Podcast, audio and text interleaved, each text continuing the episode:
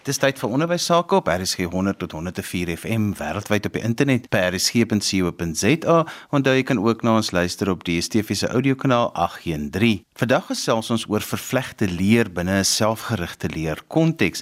My gaste is almal van die Noordwes Universiteit en hulle werk by die Navorsingseenheid Selfgerigte Leer. Hulle is Chantel Bos, Dorothy Loubser en Marisa Verster. Kom ons begin eers deur te hoor waarmee hulle besig in hulle navorsing. Ek is Chantal Bosch. Um, ek is by die Noordwes Universiteit se fakulteit opvoedkunde, die navorsingseenheid selfgerigte leer en ook in die vakgroep curriculum studies. Ek doen meestal navorsing oor vervlegte leer en selfgerigte leer en um, ons kyk bietjie na hoe ons in vandag se tyd kan selfgerigte leer in klaskamer implementeer. Ek is Dorothy Loubser ook van die Noordwes Universiteit fakulteit opvoedkunde en ek is 'n wiskunde dosent en my navorsing lê ook in die navorsingseenheid selfgerigte leer. Goed, en ek is Marisa Verster. Ek is net soos wat my ander drie, twee kollegas nou genoem het, ook by die Noordwes Universiteit opvoedkunde fakulteit en my fokus lê meer in curriculum studies en onderwysers hoe om onderwysers te probeer ondersteun daar buite.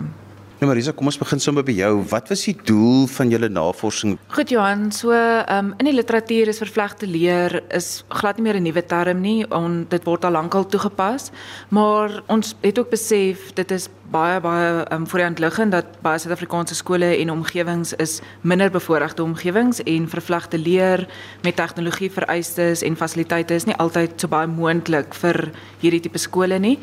En dit het net nog soveel meer um, belangrik geraak in die tydperk van COVID of in die pandemie waar um, onderrig skielik baie meer tegnologies aangebied moes word en in die huise moes plaasvind ensovoorts.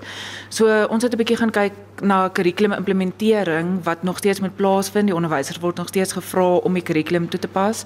Maar daar's baie moeilike omgewings om dit in te doen en in daardie opsig het ons toe gaan kyk hoe kan ons moontlik vir onderwysers daar buite riglyne gee of hulp bied op 'n manier om wel hierdie toepassing van vervlegte leer nog steeds te kan gebruik in hulle klaskamers.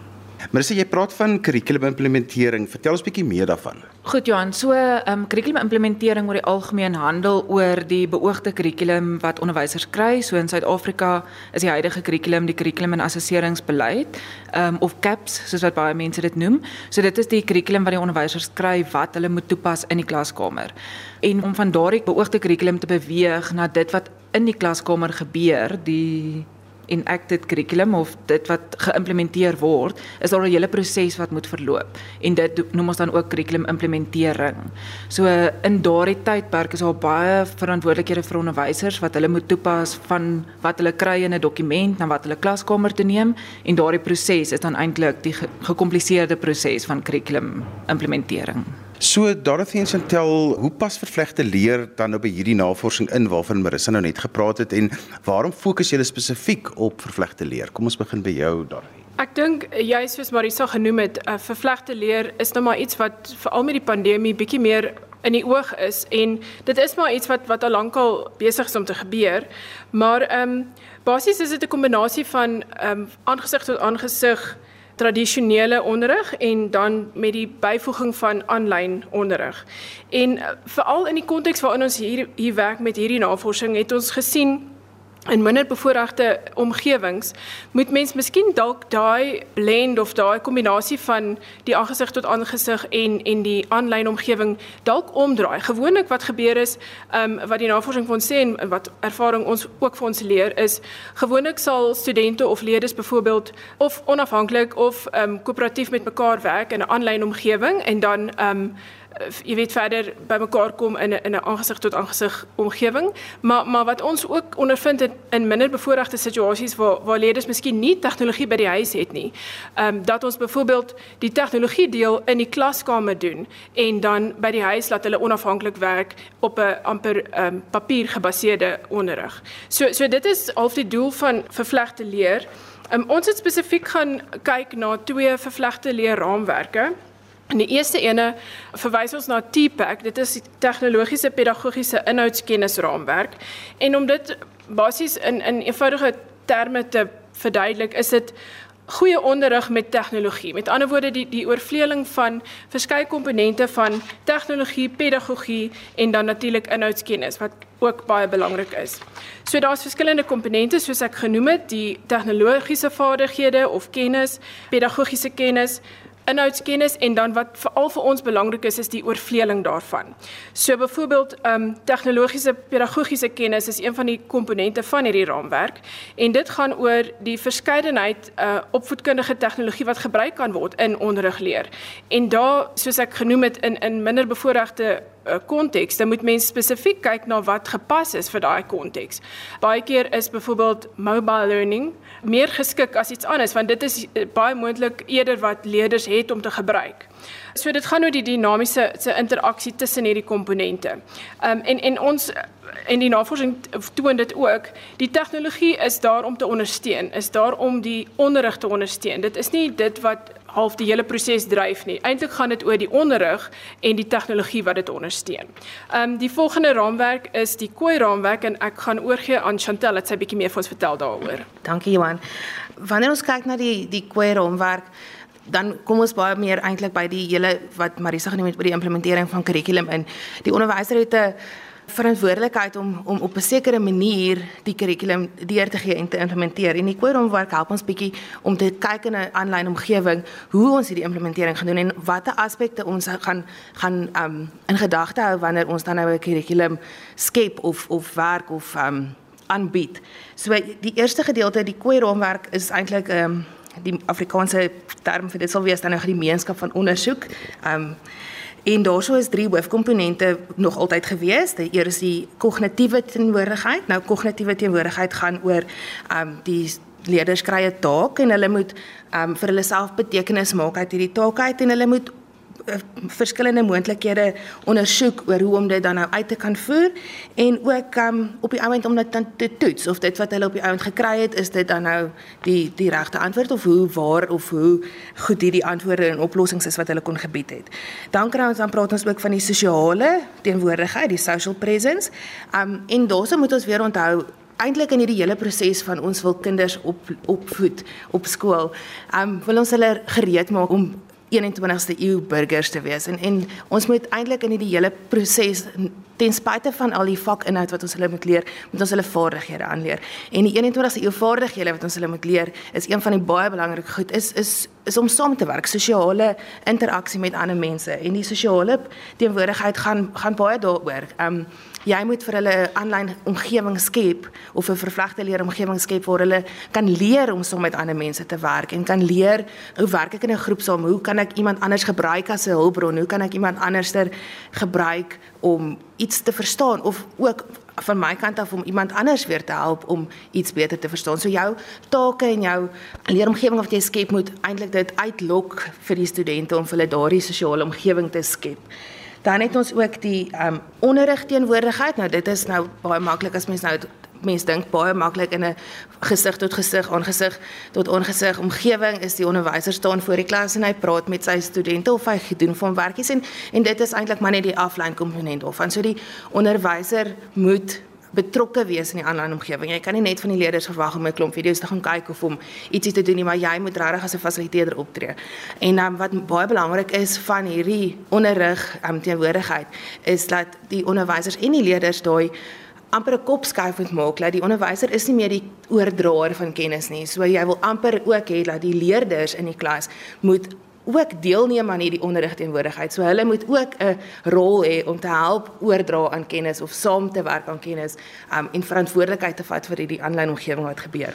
Dan so oorspronklik was die kooi raamwerk net die drie die drie um presences wat ons noem teenwoordighede en um bietjie later in navorsing het het mense begin agterkom hoe meer navorsing hulle gedoen het oor hierdie raamwerk was ook kort kort 'n komponent wat hulle nie kon geplaas het in een van die ander presences nie en en dit was op die ouend regtig die ding van van selfgerigtheid. Mense moet in 'n aanlyn omgewing moet hulle in hulle self baie meer um gerig wees en gemotiveerd wees om om hierdie aanlyn werk te kan doen.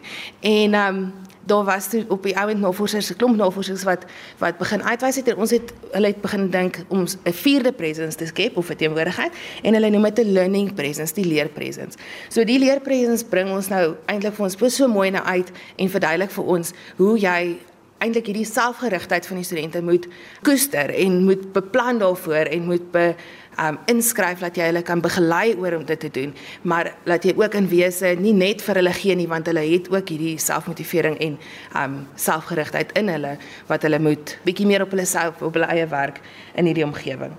Um so in ons in ons hele navorsing en ons ons um die raamwerke wat ons soms het, voel ons dat hierdie TPAC model, die feit dat jy regtig tegnologiese en onderrigkennis moet hê en ook die feit dat jy moet jou kurrikulum aanlyn ontwerp en en regtig die komponente daarvan in gedagte moet hou, moet mens amper saamsmelt op 'n manier en jy moet eintlik al hierdie komponente, dis nou al 6 of 8 komponente wat jy eintlik dan nou meer in saam moet smelt wanneer jy dan jou kurrikulum um, implementeer in die klaskamer reg vir die aanlyn omgewing.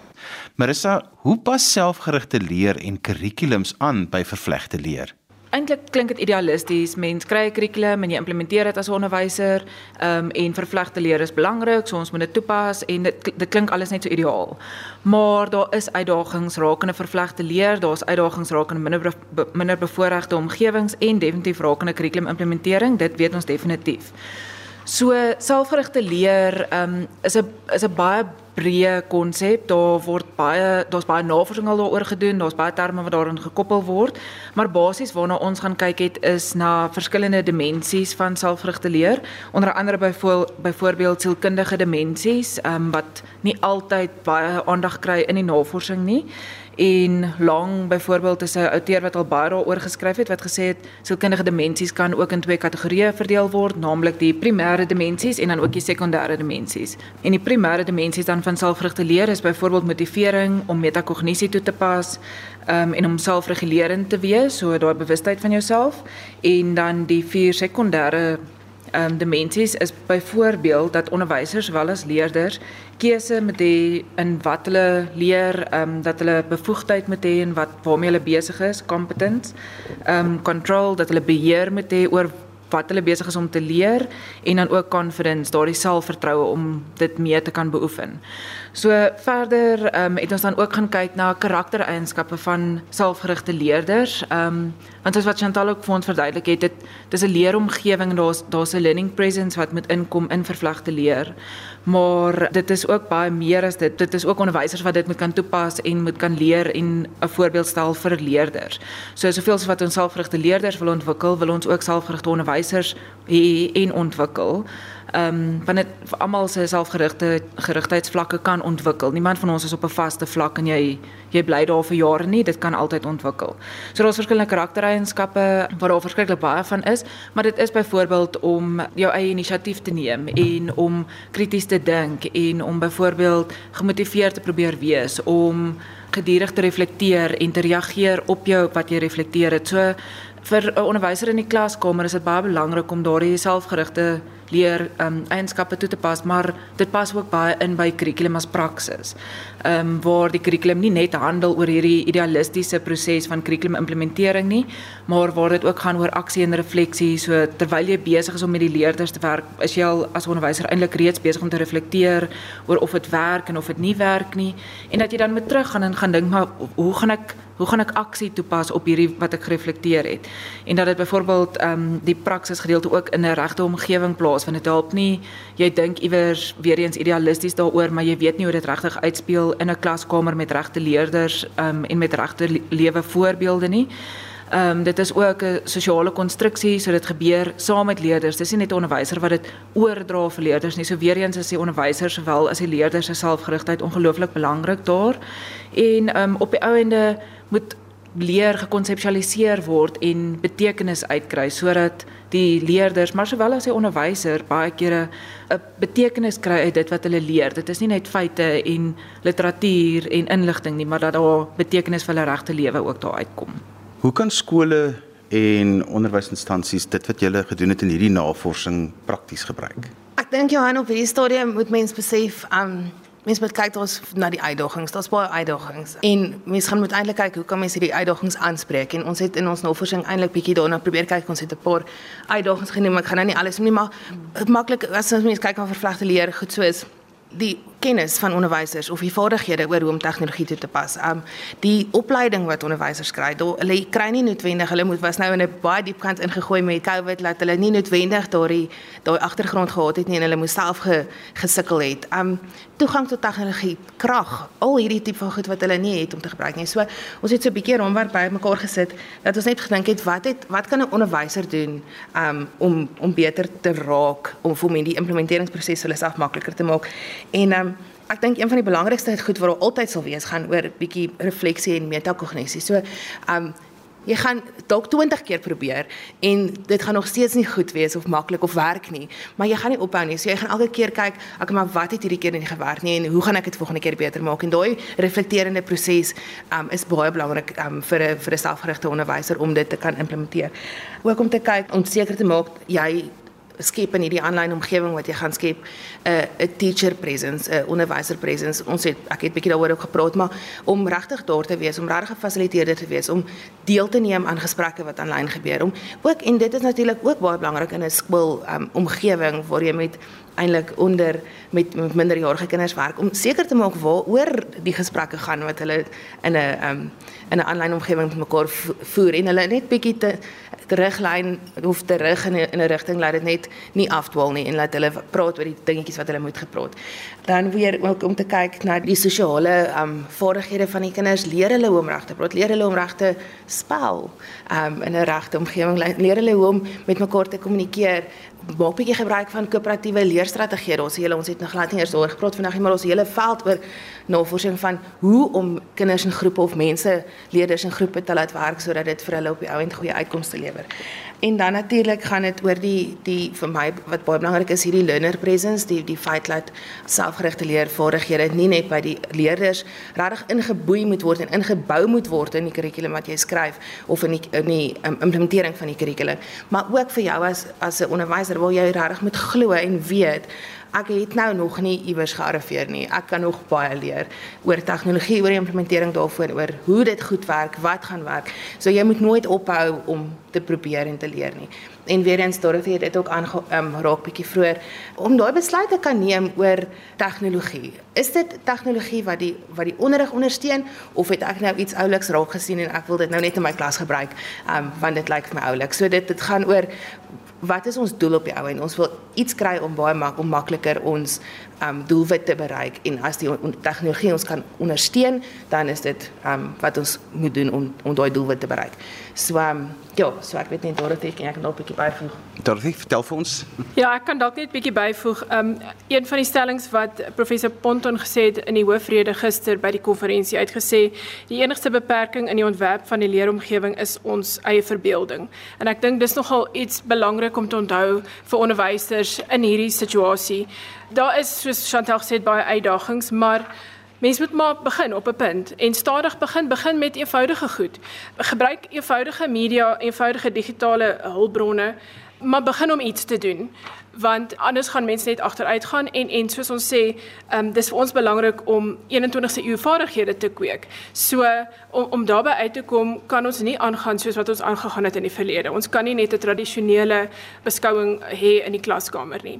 So my raad aan onderwysers en selfs tuisonderriggroepe is begin eers. Probeer stadig, probeer um, met eenvoudige goed, maar probeer om iets anders te doen sodat dinge kan verander.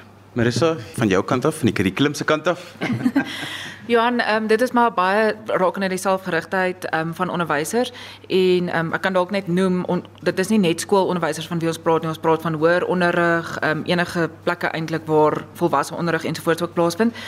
Dit dit handel maar basies daaroor dat die onderwyser nie stagneer en dink dit wat hulle altyd gedoen het moet net aanhou werk nie of hulle moet net aanhou om dieselfde toepassings te gebruik as van tevore nie, maar dat hulle daardie inisiatief sal neem en met 'n bietjie motivering net sal aangaan weer probeer so Chantal gesê het net dalk kyk wat kan hulle nog doen al is dit nie 'n massiewe 180 grade draai op een slag om heeltemal anders te wees en dit neem tyd verandering neem tyd dit is daardie ingesteldheid wat hulle ook het om daarom te probeer vir die leerders, wie hulle ook al is, dit die beste leergeleentheid te maak wat hulle kan.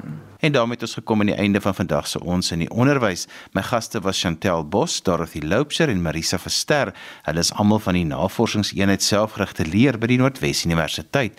Ons het vandag gesels oor vervlegte leer binne 'n selfgerigte leer konteks. Skryf gerus vir my e-pos by Johan@wwmedia.co.za. Dan groet ek dan vir vandag tot volgende week van my Johan van Lille. Totsiens.